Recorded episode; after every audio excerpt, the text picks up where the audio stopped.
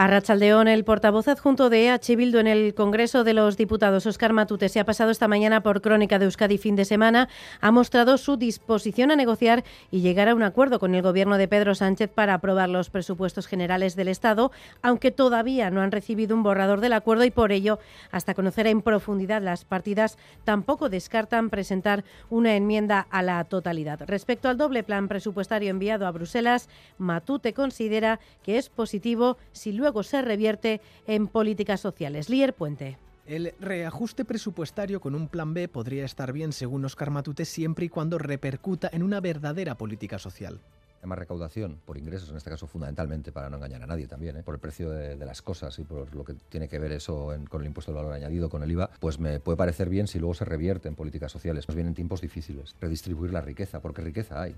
EH Bildu todavía no cuenta con un borrador de acuerdo de los presupuestos para iniciar las conversaciones y no descarta una enmienda a la totalidad. Por ahora se encuentran abiertos a negociar más protección social, de mejoras en las políticas de empleo, de mejoras en la protección hacia nuestros mayores, es decir, en las pensiones, sacar del olvido y de la injusticia crónica en la que viven determinados colectivos de pensionistas, como por ejemplo las viudas, de mejora en todo lo que tiene que ver con eso que se llama el estado del bienestar y reformas estructurales que lleguen para quedarse. Veremos si tenemos que seguir en ese juego de negociación o en ese escenario de negociación y no presentar enmienda de actualidad o por contra encontramos una actitud cerrada de bloqueo ante lo que son nuestras pretensiones y tenemos que plantear una enmienda de actualidad. Matute critica la forma de negociar en Madrid dejándolo todo todo para el último momento, con leyes que siguen bloqueadas como la ley Mordaza. Y la ley Mordaza no se deroga en todos los aspectos lesivos, pues no contarán con nuestro apoyo. Pero también en otras leyes como la de vivienda no aceptarán parches. Precisamente estas dos leyes, la ley Mordaza y la de vivienda, son fundamentales para los socios de gobierno del PSOE, para Unidas Podemos, que esperan sacar adelante antes de fin de año unas leyes que con el trámite presupuestario han pasado a un segundo plano. Madrid y Sarobaza, Rachaldeón. Sí, efectivamente. La agenda política se va a centrar en la negociación de los presupuestos las próximas semanas y, por tanto, la tramitación de otras leyes va a quedar previsiblemente eclipsada. Hablamos de leyes que han sido causa de división entre los dos socios del Gobierno. Por ejemplo, la regularización de la prostitución o la derogación de la ley Mordaza. También la ley de vivienda, indispensable no solo para Unidas Podemos. Escuchamos a la vicepresidenta Yolanda Díaz. Pedimos una ley de vivienda con dignidad, pero sobre todo pedimos una política de vivienda que no satisfaga los intereses de los fondos de inversión y satisfaga únicamente los intereses de las familias de nuestro país sino también para el bloque de investidura. Los partidos que han apoyado al Gobierno piden medidas más ambiciosas para proteger las cuentas. El PNV incluso ha llegado a amagar con presentar una enmienda a la totalidad. Recordemos que el plazo para presentar estas enmiendas termina este viernes. Con todo esto, la otra gran incógnita es el apoyo de Esquerra. Está por ver si la crisis en el Gobierno condiciona el apoyo de los republicanos, pero desde PSC, Salvador Illa ha tendido la mano a secundar las cuentas catalanas. Però estic disposat a estendre la mà en allò que consideri Pues precisamente desde el PP han criticado estas declaraciones de ella. El líder popular Alberto Núñez Feijóo considera que el PSC está actuando como muleta con el gobierno para poder sacar las cuentas estatales adelante. Y vamos a hablar en clave laboral porque muchas empresas están eh, inmersas en la renovación de sus comités. En los próximos meses está previsto que se renueven cerca de 8.600 personas delegadas sindicales en la comunidad autónoma vasca y cerca de 3.000 en Navarra. Vamos a conocer cuáles son los retos y las propuestas de los sindicatos. Xavier Urteaga. En Euskadi, el sindicato con más delegados es ELA. Le siguen el LAB, Comisiones Obreras y UGT. En Navarra, el mayoritario es UGT, seguido de comisiones ELA y LAB. El objetivo de los sindicatos es revalidar sus posiciones y ampliar la representación. Joseba Villarreal, ELA, Garbiña Aramuru, LAB, Loli García, Comisiones Obreras y Raúl Arza, UGT consolidar ese 40% de representación que tenemos en la comunidad autónoma del País Vasco y ese 23% que tenemos en Nafarroa y si puede ser pues aumentar en representación. Eh, vamos a consolidarnos como segundo sindicato en la comunidad autónoma vasca y acercarnos a, ser el segundo sindicato a nivel de Euskal Herria. Nuestro objetivo es mejorar resultados donde ya tenemos representación y llegar a más centros de trabajo donde no hay representación. Queremos alcanzar los 2.000 delegados y delegadas en el centro de las reivindicaciones, la subida salarial. Vamos a defender las subidas salariales en el IPC o por encima del IPC, hacer propuestas para limitar la inflación. Dignificar salarios, poner límites al proceso de precarización y empobrecimiento que estamos viviendo, en definitiva, luchar por una vida digna.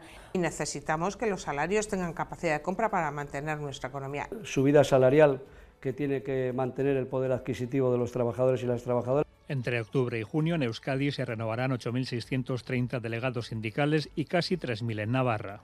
La plantilla de Amazon en Trapagarán realizará mañana un paro de cuatro horas para denunciar sus condiciones laborales. John Fernández Moore. Sí, la ha convocado para mañana un par de cuatro horas de cinco y media a nueve y media de la mañana en el centro de Amazon de Trapagarán. Están llamados a parar tanto los 109 trabajadores de la plantilla como otros trabajadores subcontratados. Piden una mejora en las condiciones laborales tras varios meses, aseguran, recibiendo constantes negativas a sus propuestas por parte de la empresa. Gotzon Mardaras, portavoz. Tenemos tres eh, reivindicaciones principales, que es el tema de conseguir un, un convenio propio de, centro vinculado al, a subidas en, de IPC, a normalizar y regularizar la, el trabajo en los sábados y, domingos y el derecho de, las empresas eh, subrogadas que hacen el tema de la, del reparto. LAB exige repartir los beneficios que tiene Amazon, 3,5 millones en el Estado los dos últimos años, entre sus trabajadores. Nafarro Añez vuelve a Tafalla bajo el lema Erdian Erein, que invita a continuar sembrando la euskera en la zona media. La fiesta de las Icastolas Navarras la organiza este año Garcés de los Fallos y Castolas. Allí nos vamos, Olatzbalda, Rachaldeón. A Rachaldeón, además del ambiente festivo, la reivindicación se ha impuesto en el acto principal de esta mañana. Elena Zabaleta, presidenta de la Asociación de Icastolas de Navarra, ha subrayado que la legislación de la euskera en Navarra vulnera los derechos lingüísticos del pueblo.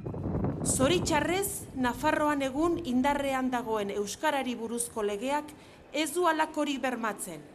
Ez du biderik ematen herritar eskualdun askoren hizkuntza eskubideak bete daitezen José María Ayerdi, vicepresidente segundo del Gobierno foral, ha tomado la palabra después, reconociendo la cosificación y los obstáculos que tienen las icastolas y, el euskera en Navarra y asegurando que seguirá trabajando en el Gobierno para cambiar esta situación.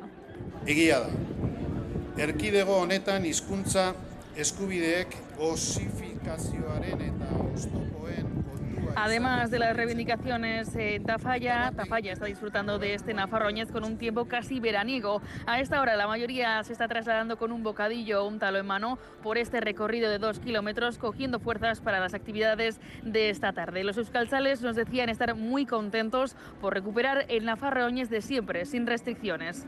Baina, bueno, gaurkoa, eguraldi ederra, gero gune guztia gaude irekita, eta ni uste dute giro politia gongo dela. Bat ematera joango gara aurrekin eta divertitzera eta ongi pasatzen. Eskabidean eta erroten. Por la mañana hemos tenido los actos principales para los niños más pequeños, así como las competiciones deportivas entre Icastolas. Y ahora por la tarde llegan las citas principales para los mayores con Roten Amairu, la, la Mala Pécora o DJ Bull. El testigo ya lo ha cogido la Icastola de Charry, que organizará la edición de 2023, pero aquí todavía queda fiesta para rato en Tafalla para seguir sembrando la semilla de la euskera en la zona media. Es que ricasco hola y tras la resaca del Festival de Sitges, Paul Urquijo ha estado en Más que Palabras de Radio Euskadi. Tras recibir el premio del jurado, decía que Irati es la película que siempre soñó hacer. Es un poco la película que siempre he querido hacer sobre mitología vasca y, aventura medieval eh, histórica por la, de la zona del Pirineo. Y hoy estamos teniendo una jornada muy calurosa. Hasta las 12 de la noche se mantiene activo el aviso amarillo por riesgo de incendios Euskalmet, Yonandera Rillaga, Rachaldeón. Caixo a Racha León durante las próximas horas el protagonista va a ser el viento sur que nos va a dejar rachas fuertes o muy fuertes en las zonas más expuestas y temperaturas veraniegas, sobre todo en la mitad norte donde llegaremos hasta los 30 grados de máxima. Además, con este viento sur intenso, la próxima madrugada va a ser muy templada, sobre todo cerca de la costa, donde las temperaturas no van a bajar de los 18 20 grados. Y por otro lado, a partir de esta tarde van a llegar nubes más compactas desde el sur y mañana tendremos un tiempo más revuelto. Puede llover de forma dispersa, sobre todo en la mitad sur, y además por la tarde se pueden dar algunas tormentas. En las temperaturas bajarán algo mañana, pero aún así con el intenso viento sur seguirán siendo altas para la época. Les dejamos ahora ya con los deportes, así Careaga adelante.